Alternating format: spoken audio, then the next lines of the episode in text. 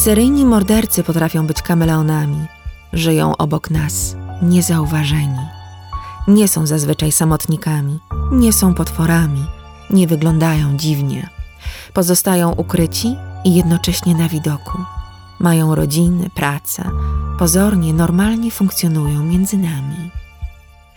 Dziś po raz pierwszy opowiadam Wam o seryjnym i zarazem masowym mordercy. Todd Christopher, syn Williama i Reginy Sampsell, urodził się 7 marca 1971 roku w Fort Lauderdale na Florydzie.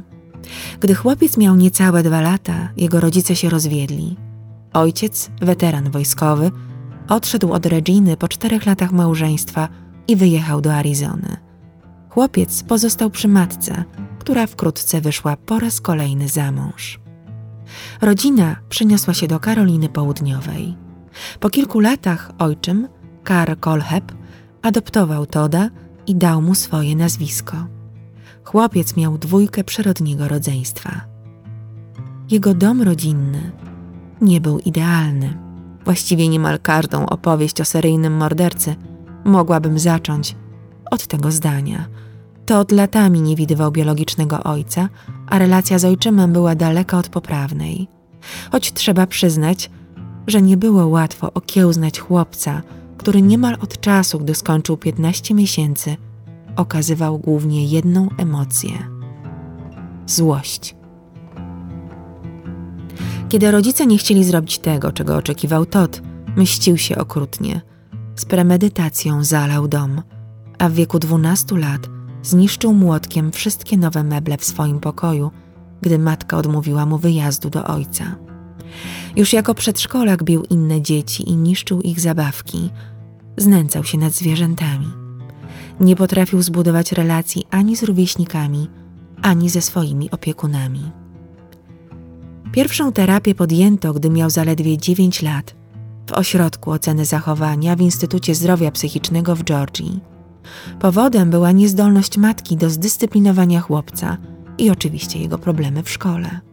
Terapeuta dostrzegł w nim wybuchowe, egocentryczne dziecko, zaabsorbowane treściami seksualnymi. Nikt nie miał nad nim kontroli. Kierowała Todem wyłącznie jego potrzeba władzy i dominacji.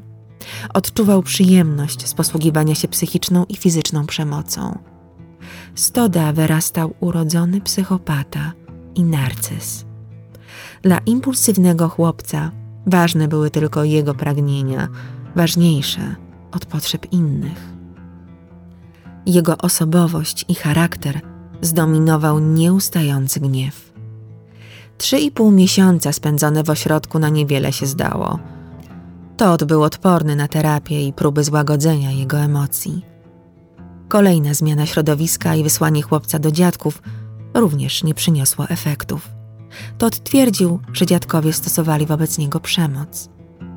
W 1983 roku zdesperowana matka wysłała go do jego biologicznego ojca do Tempi w Arizonie. Todd nie widział Williama 8 lat. Podczas gdy Regina była już w separacji z drugim mężem, chłopak porzucił nazwisko ojczyma i przedstawiał się nazwiskiem ojca Sampsel. William prowadził restaurację Billy's Famous for Ribs, której Todd dorywczo pracował po szkole jako pomywacz i pomocnik kelnera. Dorabiał też sobie w lokalnym Burger Kingu. Ojciec zawiódł jego wyobrażenia. Chłopak tęsknił za nim mocno, zanim z nim zamieszkał. Tymczasem William był wiecznym nieobecnym w domu. Pracował albo uganiał się za kobietami. Todd chciał wrócić do matki, ale ta niespecjalnie wyczekiwała jego powrotu i robiła wszystko, by pozostał dłużej u byłego męża. Nawet wspólne hobby nie uratowało relacji syn-ojciec. Cóż takiego ich łączyło? Fascynacja bronią.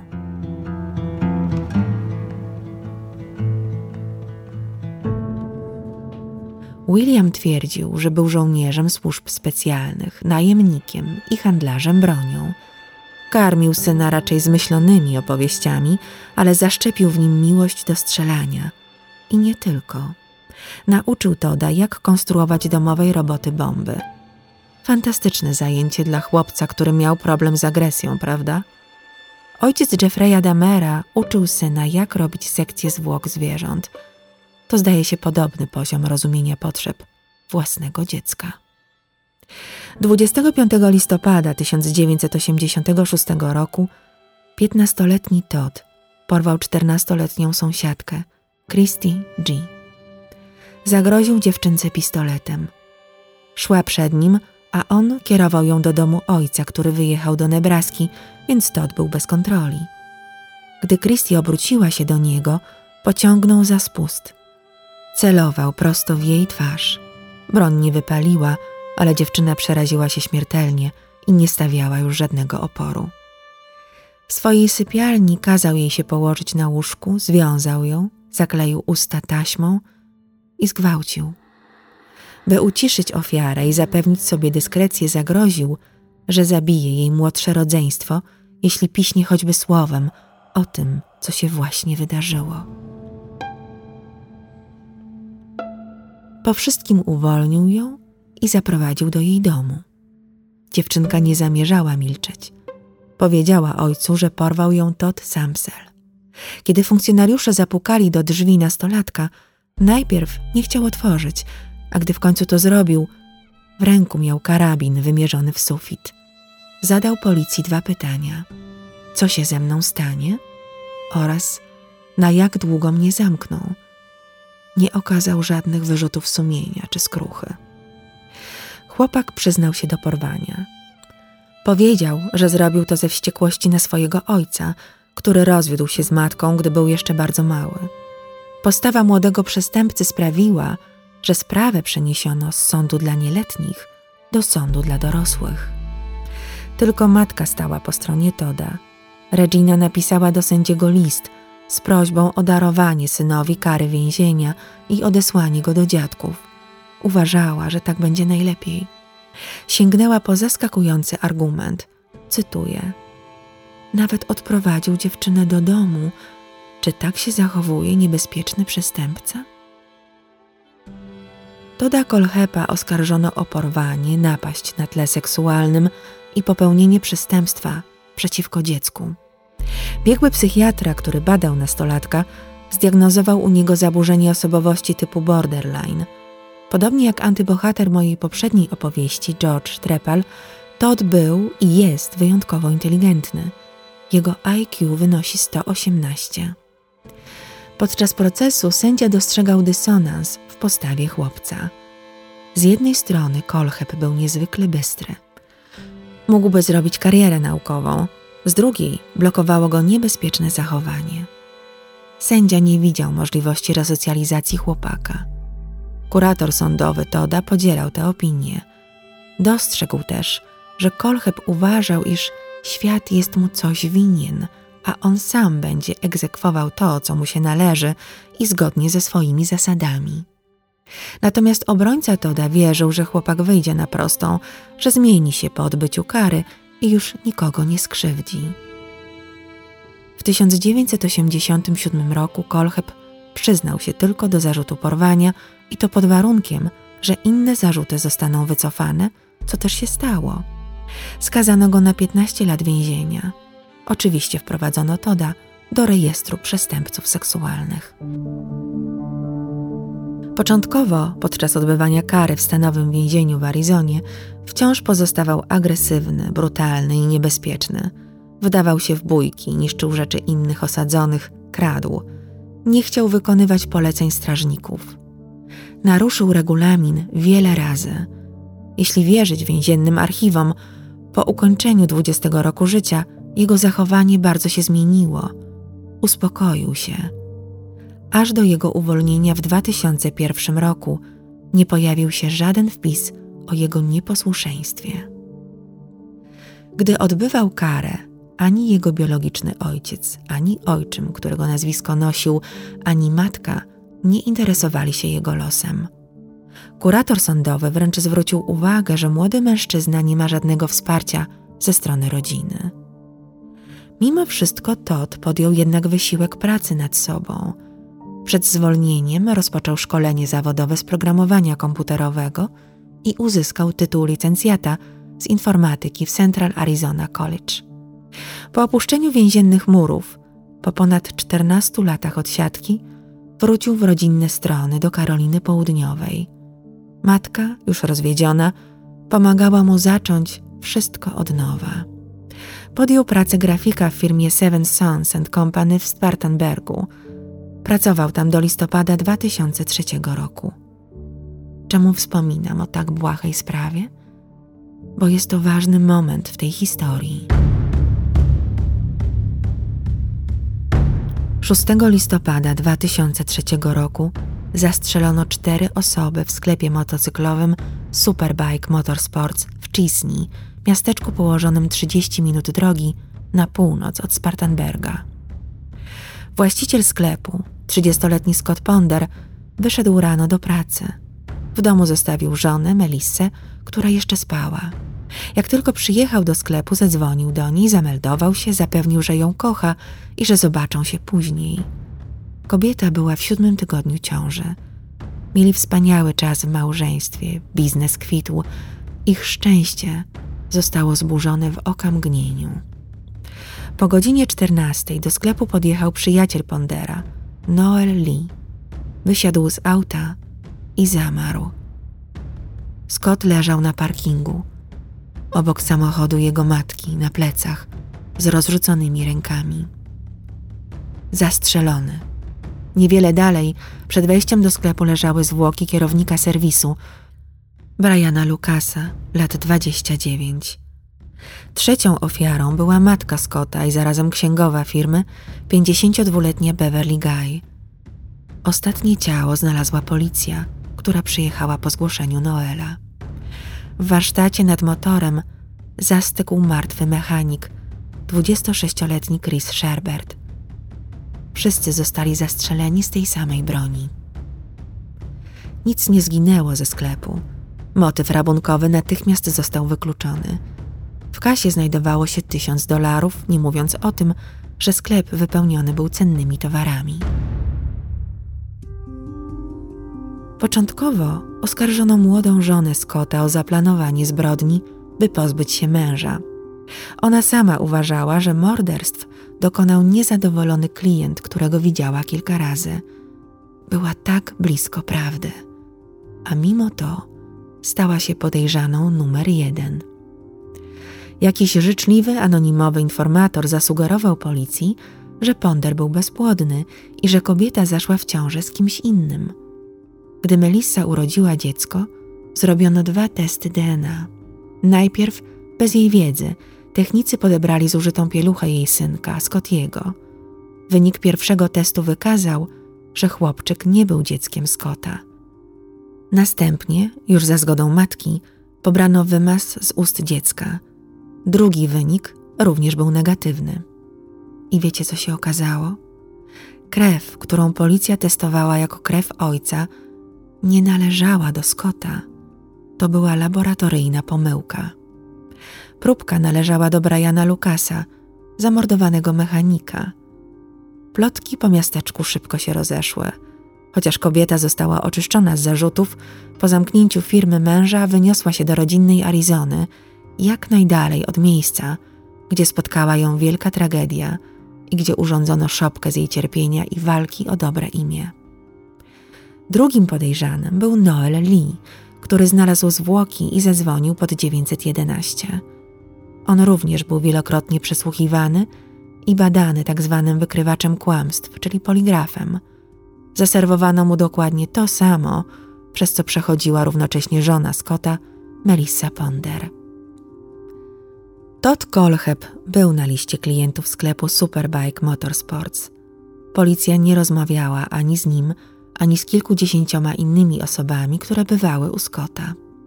Śledztwo, jak już wiecie, skupiło się na dwójce podejrzanych, niewinnych osób.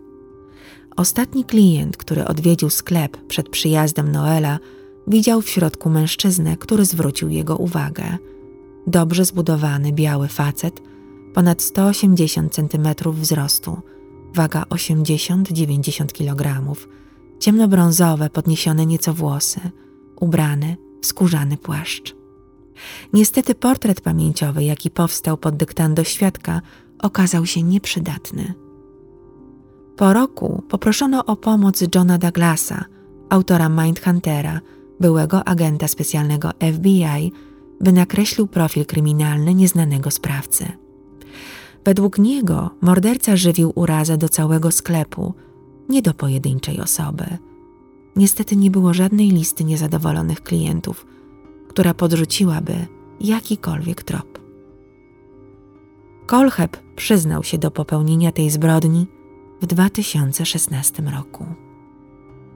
Matka Toda zeznała po latach, że jej syn próbował zwrócić do sklepu motocykl, ale został podobno wyśmiany przez obsługę i odesłany z kwitkiem.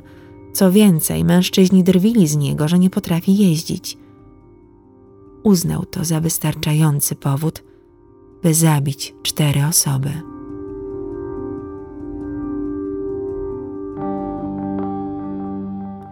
Tymczasem jego życie toczyło się dalej. Zbrodnia uszła mu na sucho.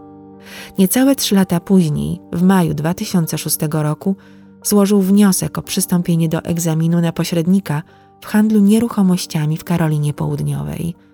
Sprawdzono jego kryminalną przeszłość i poproszono o wyjaśnienie, dlaczego został skazany za porwanie 20 lat wcześniej w Arizonie. Przedstawił swoją wersję wydarzeń, różniącą się od prawdziwej. Pamiętajcie, że w kartotece nie było wzmianki o gwałcie na czternastolatce. Zarzut został wycofany na mocy ugody. Opowiedział, że pokłócił się ze swoją dziewczyną. Na miejsce ktoś wezwał policję, a że był akurat uzbrojony, choć nie wykorzystał tego, postawiono mu zarzut przemocy z użyciem broni. Po trzech tygodniach od egzaminu 30 czerwca 2006 roku Kolcheb został licencjonowanym agentem nieruchomości. Otworzył firmę TKA Real Estate, którą prowadził we własnym domu w mur. Kariera w nowym zawodzie rozwijała się znakomicie. Todd podniósł swoje kwalifikacje. W 2008 roku ukończył studia na Uniwersytecie Karoliny Południowej, uzyskując tytuł licencjata z zarządzania i marketingu. W 2014 roku, po 13 latach od wyjścia z więzienia, prowadził całkiem nieźle prosperującą firmę. Zatrudniał co najmniej 12 osób. Stać go było na zakup kilku nieruchomości oraz ogromnego 95-hektarowego terenu w pobliżu Woodruff za 305 tysięcy dolarów, który otoczył ogrodzeniem wartym 80 tysięcy. Wilton Lawrence, od którego nabył ziemię, zapamiętał, że Kolcheb szukał miejsca oddalonego od innych zabudowań. Nie chciał mieć nic wspólnego z sąsiadami. Nie szukał przyjaciół, jedynie prywatności. Tot nie ożenił się, z nikim się nie związał. Mieszkał sam. Zdobył również licencję pilota uprawniającą do lotów prywatnych, spełniając tym samym marzenie z dzieciństwa. W jego pobliżu mieszkała matka, która cały czas wspierała syna i była dumna z jego odmiany i zawodowych sukcesów. Pracownica Kolchepa, która wychwalała go jako szefa, twierdziła, iż wszyscy wiedzieli, że został zarejestrowany jako przestępca seksualny. Wmówił ludziom, że oskarżenie było oparte na sfabrykowanych zarzutach po tym, jak pojechał na przejażdżkę z dziewczyną i zdenerwował tym jej ojca. Uwielbiał chełpić się swoją smykałką do robienia interesów. Pisał o tym często w mediach społecznościowych. Na LinkedIn miał bardzo wiele kontaktów z osobami, które przyklaskiwały jego postom. Kredytodawcy hipoteczni uważali go za skutecznego biznesmena, z którym świetnie się rozmawia i który doskonale przeprowadza transakcje dla swoich klientów. Również budowlańcy mieli o nim dobre zdanie. Udzielał się w lokalnej społeczności, sponsorując młodzieżową drużynę baseballową. Z drugiej strony pozwalał sobie na uchylanie rąbka tajemnicy, którą nosił w sobie. Oczywiście, o ile ktoś potrafił czytać między wierszami. Na oficjalnej stronie internetowej jego firmy były takie oto żarciki, cytuję. Zatrudniliśmy profesjonalnych grafików, programistów stron internetowych i specjalistów od marketingu z różnych dziedzin. Potem zagroziliśmy, że nie będziemy ich karmić, jeśli nie będą pracować. To niesamowita motywacja, której efekty można uzyskać już po trzech dniach.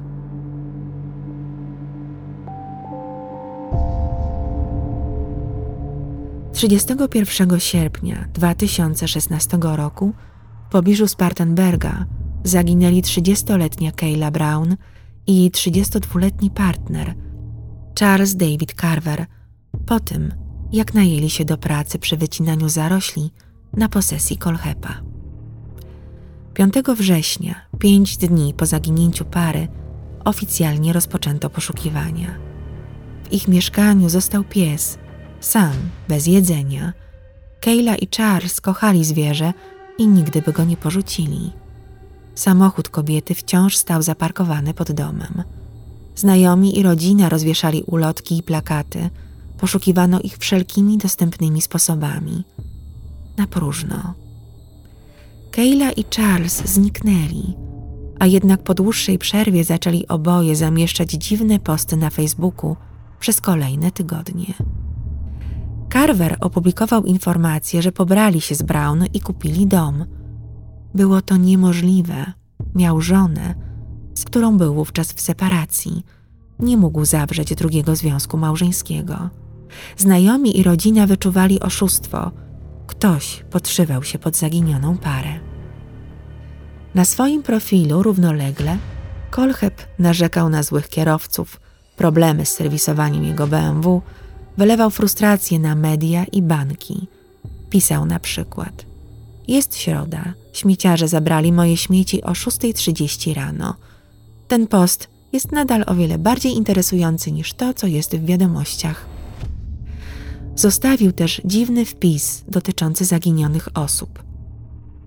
W przypadku mojego zaginięcia pamiętajcie, że nikt mnie nie porwie. Jem za dużo i jestem marudny.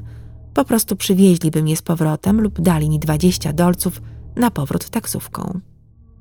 3 listopada odnaleziono Kayle Brown. Żywą. Była uwięziona w metalowym zielonym kontenerze transportowym ustawionym na posesji Kolchepa Woodruff. Śledczy dotarli do niej po sygnałach z telefonów komórkowych jej i jej partnera. Jedna grupa miała nakaz rewizji domu Kolchepa, druga planowała przeszukać ogrodzony teren. Gdy policja stanęła na progu, Kolchep zachował spokój, nawet podczas przeszukania. Potwierdził, że para była u niego przez jeden dzień na początku września. Poznał ich na Facebooku i korzystał z ich pomocy pięć razy przy sprzątaniu domów na sprzedaż. Gdy druga ekipa dotarła do dziesięciometrowego kontenera, śledczy usłyszeli odgłos walenia dochodzący z wnętrza. Policyjna kamera uwieczniła, jak funkcjonariusze rozcinają kłódkę i otwierają kontener.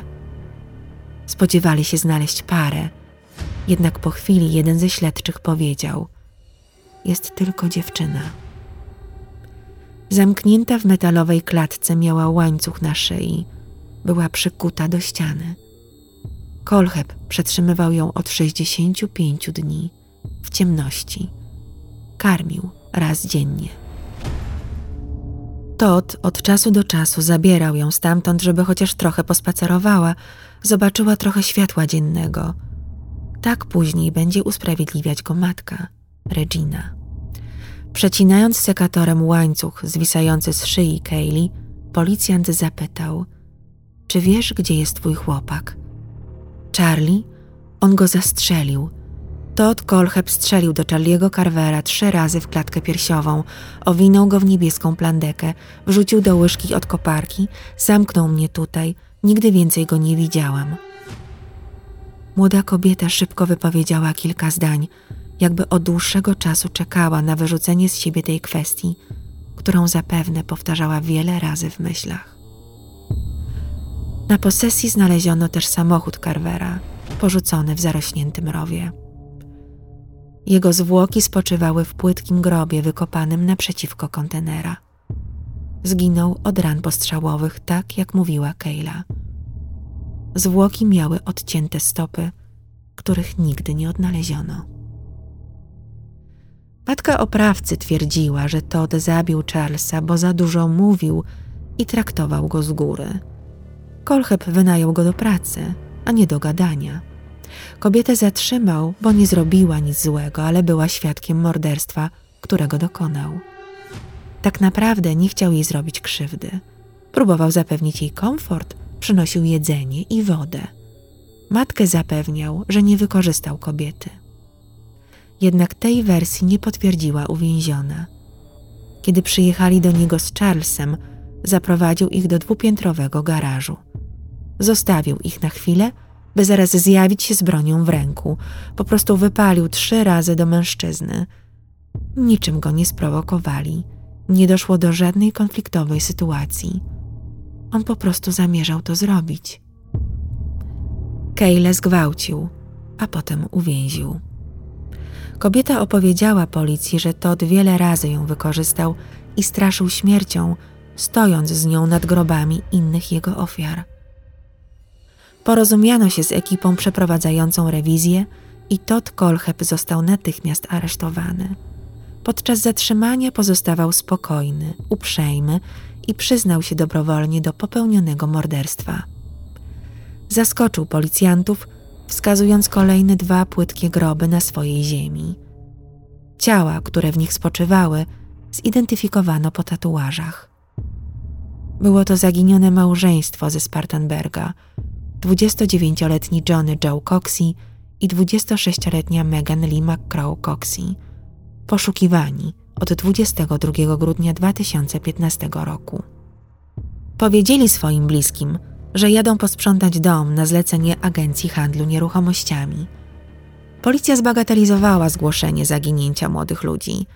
Mieli na sumieniu kilka przestępstw, więc uznano, że po prostu uciekli w inne miejsce, by zacząć życie z czystą kartą. Megan dopiero co odsiedziała wyrok za zaniedbywanie dziecka i po wyjściu z więzienia otwarcie mówiła, że chce dokonać pozytywnej zmiany i dać sobie i rodzinie szansę. Co ciekawe, policja mogła dojść do zaginionych po sygnale z telefonów komórkowych, tak jak to zrobiono w przypadku Kaylee i Charlesa. Nawet nie podjęto takiego wysiłku. Kobieta została zamordowana 25 lub 26 grudnia 2015 roku strzałem w głowę. Jej mąż zginął od ran postrzałowych w tułów tydzień wcześniej, 19 grudnia. Kolcheb twierdził, że zabił Johniego w obronie własnej, gdy ten wyciągnął nóż. Ciała obojga były pozbawione stóp. Morderca nigdy nie wyjaśnił, czemu okaleczał ciała.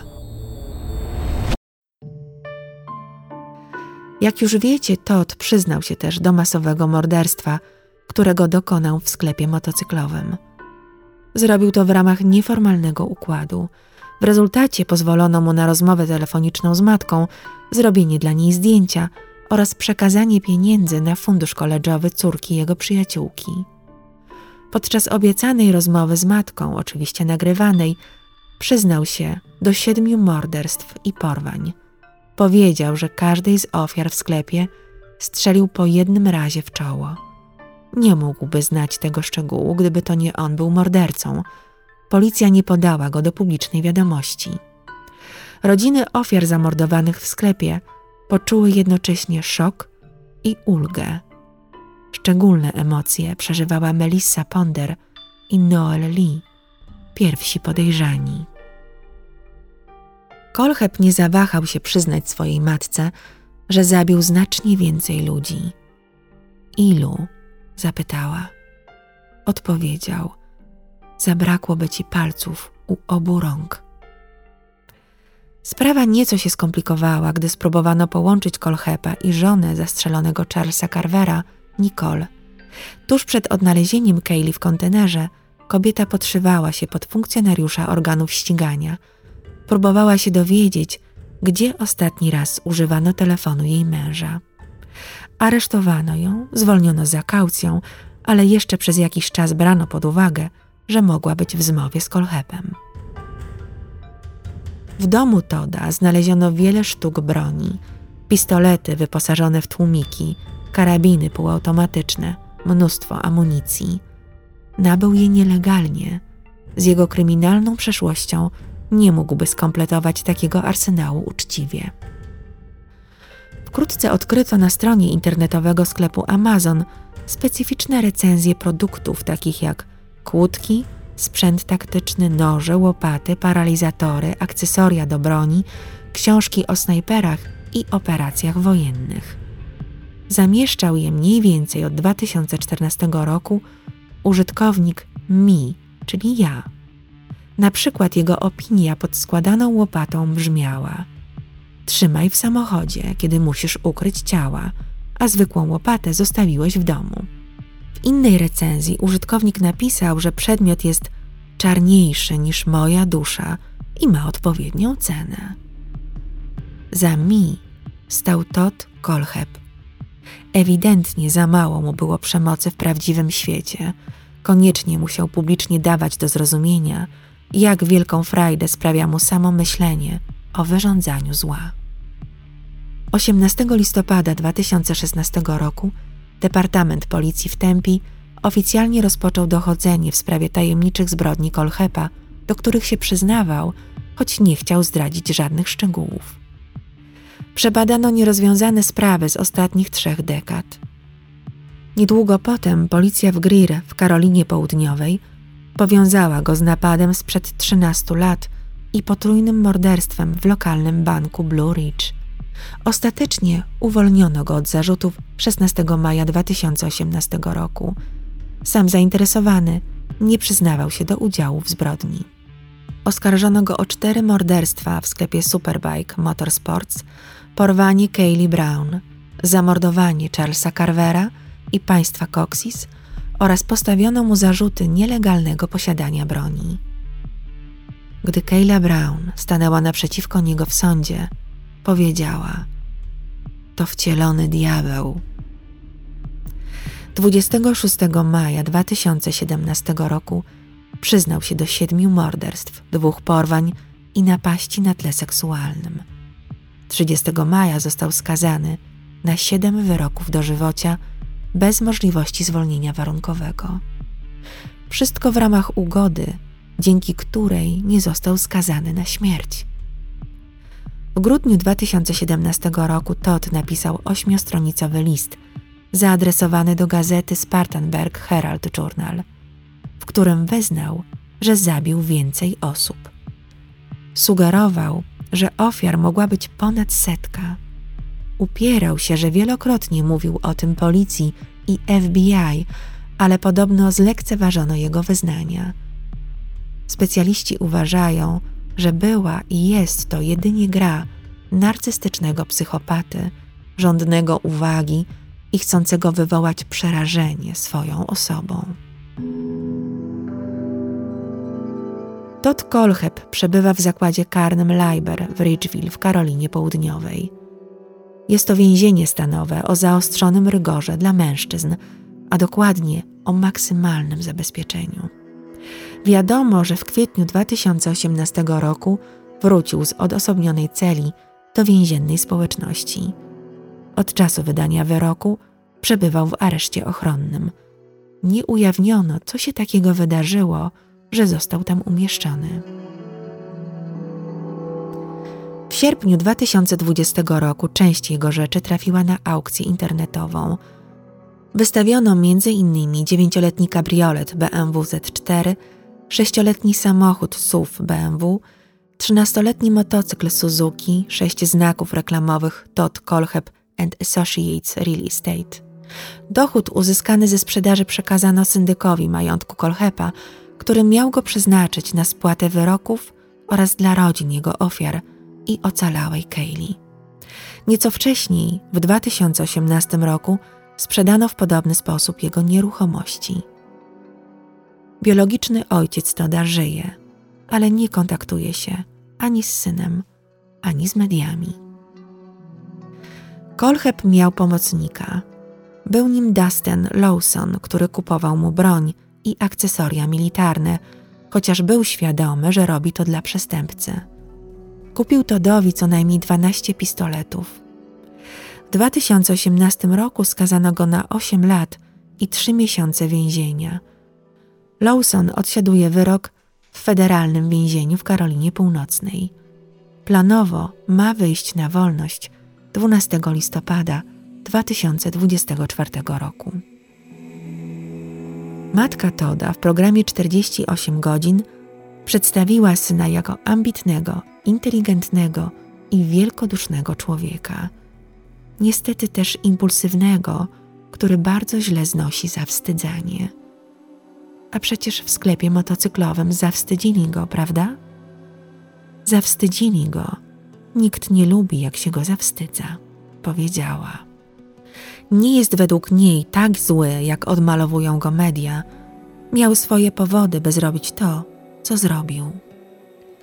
Większość seryjnych morderców nie jest tak bystra jak Todd Kolcheb, ale często pozostają niewykryci, bo potrafią doskonale wtopić się w swoje społeczności.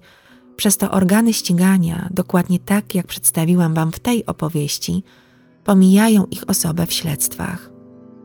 I oczywiście robią przerwy w dokonywaniu zbrodni. Czasem są to miesiące, czasem nawet lata. Te okresy wyciszenia odróżniają ich od masowych morderców.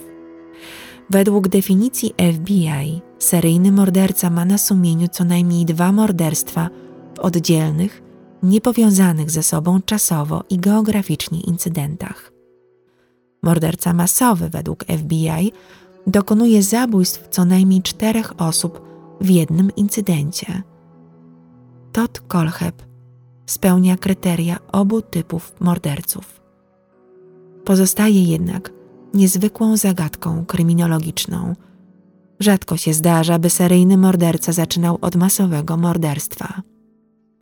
By jedna osoba kierowała się w swoich zbrodniach gniewem, tak jak robi to zazwyczaj masowy morderca, i jednocześnie motywami seksualnymi w przypadku seryjnych morderstw.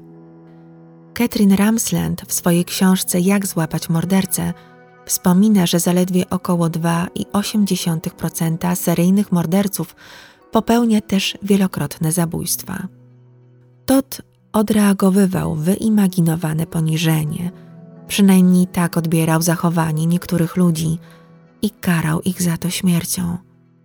Za to, że sam nie mógł poradzić sobie z własną złością i wizją świata, który był mu coś winny.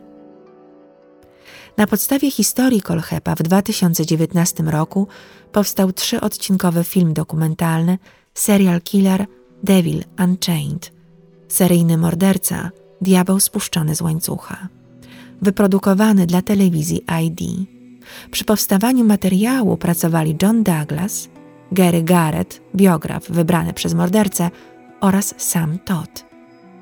Kolcheb wypełnił 57-stronicowy formularz FBI stworzony na potrzeby opracowania profilu kryminalnego. Nawet więcej, dopisywał wyczerpujące odpowiedzi na dodatkowych kartkach, tak jakby sam chciał zrozumieć, czemu to wszystko zrobił, albo jakby chciał zająć jak najwięcej uwagi osób, które później miały studiować jego wyznania. Przy realizacji filmu Todd wyjawił, że Kayla miała z nim bliższą relację zanim doszło do tragicznych wydarzeń w Woodruff.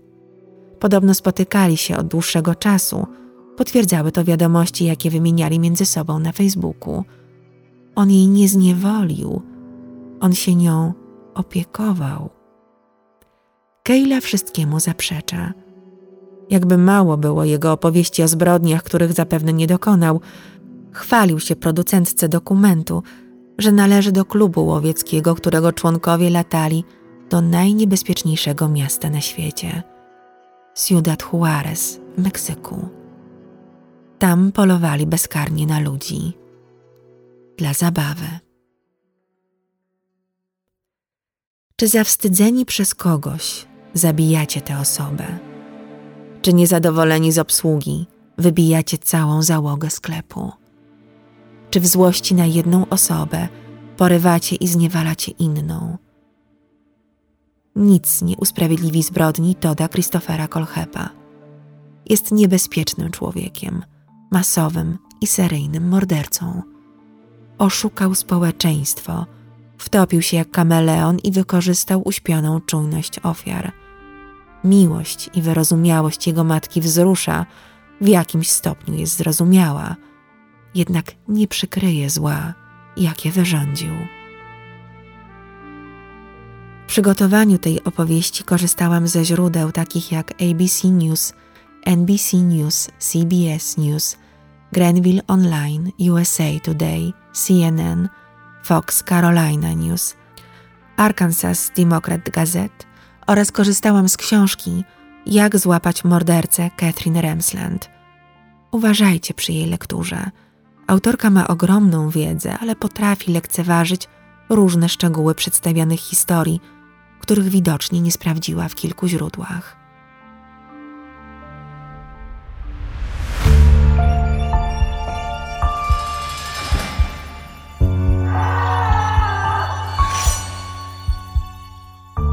Do usłyszenia i do zobaczenia w moim worku kości w Warszawie przy ulicy Bagatela 10, na moich i nie tylko moich wykładach o tym, jak rodzi się zło w człowieku i czy możemy temu zaradzić. Renata z worka kości.